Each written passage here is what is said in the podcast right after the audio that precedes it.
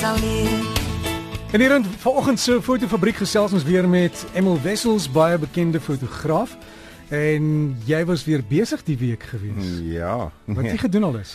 Nee, ek het 'n paar dae uh, gelede 'n klomp mense afgeneem weer in die ateljee en ek is besig nog met daai spyskaart en daai fotos vat tyd, jy weet. Ja. Uh, ek het gesien jy het 'n foto van is dit Chris Chameleon op? Ja, nee, 'n paar weke terug het ek fotos geneem vir Lefra Produksies uh, van Springs. Hulle doen al hierdie vroeg uh stukke en uh, ons het ook hier op die water met hulle gedoen, ja. Ja, en ehm uh, ek ken Chris vir jare jare. Ons het uh, die eerste keer saam gewerk op 'n TV-reeks met naam van Meester. En dit is jare terug. Die TV's nog met diesel gewerk. Ja, nee. ja.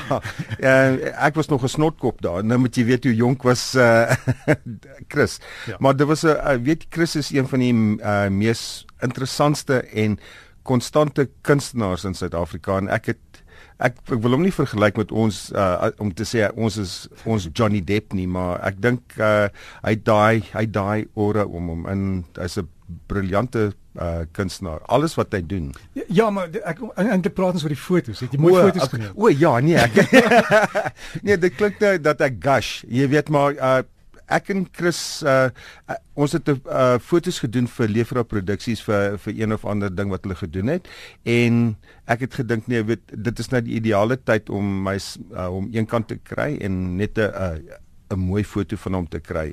Weet al die ander fotos was uh uh karakterfoto's en hierdie is is hy. En dit dit, dit was 'n baie baie mooi foto. Baie mooi foto. Ek het hom gesien op jou Facebook. Ja, daar's hy. Jy het 'n brief gehad, ek het dit vir jou aangestuur, 'n ja. navraag, iemand wat klomp foto's geneem het en toe sou eintlik niks foto's. Nee, nee, da, hy het foto's gekry. Ehm um, Henny Leroux van Polokwane het 'n bietjie gaan kuier in die Skandinawiese lande en hy het 'n bietjie gaan sneeu afneem. En basies wat gebeur het is hy teruggekom en al sy fotos het gelyk asof hy grys is en nie skerp is nie. So ek het met 'n bietjie met hom gepraat uh en ek het gedink dit is ietsie wat almal gaan uh gaan baat by vind. Die eerste ding wat jy moet doen is stel jou kamera se se ISO korrek. Maak seker dat jy dit konstant hou. As jy dit 'n hele reeks fotos neem, moenie dit verander nie want dit dit gaan niks eintlik uh, baat gee vir jou fotos nie. Maak seker dat jy jou ligmeter korrek stel en as jy 'n foto neem, dat jy die hele tyd teruggaan na jou skerm toe en aanpassings maak. Nou hoe ons kamera ligmeters werk is byvoorbeeld is 50% swart en 50% wit. Dit is soos jy 'n skaakbord afneem. En nou waar waar waar kry jy jou jou beligting? So wat die ligmeter doen is hy vat al daai swart en wit saam en hy gee vir jou 'n 'n gemiddelde 18% grys. So jou kamera sien alles as 18% grys wat 'n midgrys is. So as jy 'n wit um, onderwerp gaan afneem, gaan jou kamera dink, "Ooh, hier's te veel lig." En dan maak hy die die lens toe en dan word verander hy daai wit na grys toe. En die teenoorgestelde werk dieselfde. As jy ietsie afneem in baie wat baie swart is, dink jou kamera, oeps, oeps, oeps, hier's nou te veel, uh hier's nou uh te min lig en hy gee vir jou 'n bietjie meer lig. So dit wil sê hy wil verander daai swart na grys toe. Dit is hoekom as jy op 'n verhoogstuk afneem met jou kamera op outomaties. Dit is nou eintlik die ander ding wat ek gaan praat.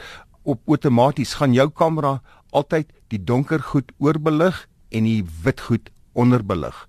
So dit gaan dit na grys toe verander.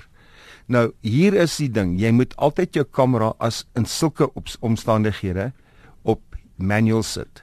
Jy stel jou kamera en elke keer as jy 'n foto neem, kyk na jou na na jou resultaat en maak 'n aanpassing daaraan. Dink 'n bietjie wat ek nou gesê het, is elke keer dat jy as jy 'n foto neem en hy's te donker, maak jou lensopening oop of gaan na 'n laer sluiterspoed toe, maar nie te laag dat jy gaan beweging kry nie. Die ander ding is wat uh, baie mense nie doen nie, is hulle skiet net in JPEG. En ehm um, Henny het uh, byvoorbeeld net in JPEG geskiet. As hy in RAW geskiet het, uh, dan het hy uh baie meer beweegruimte met die beligting en onderbeligting en oorbeligting. So jy kan baie maklik daai fotos en daai beligting uh aanpas om 'n korrekte foto te kry. Die ander ding is niemand almal sê nou nee maar ek het nie 'n program wat die RAW gaan verander nie. Vernaamlik Henny het 'n Canon en met die uh kamera wat hy gekry het, is daar 'n 'n CD in die in die uh, sakkie wat die ding uh die programme het wat hom kan kan help. Nou as jy nie dit het nie, uh daar's baie ander programme maar onder andere is Photoshop is die industrie standaard en vir 10 dollar 'n maand kan jy die uh, die nuutste en die beste Photoshop uh, hier uh, en ek dink dit is dit is die fantastiese uh, ding van die hele ding. Die ander ding is uh as jy dink dat elke keer as jy uitgaan en jy neem 100 fotos en jy verander nie iets nie en ietsie gaan verkeerd, dan gaan jy 100 slegte fotos hê.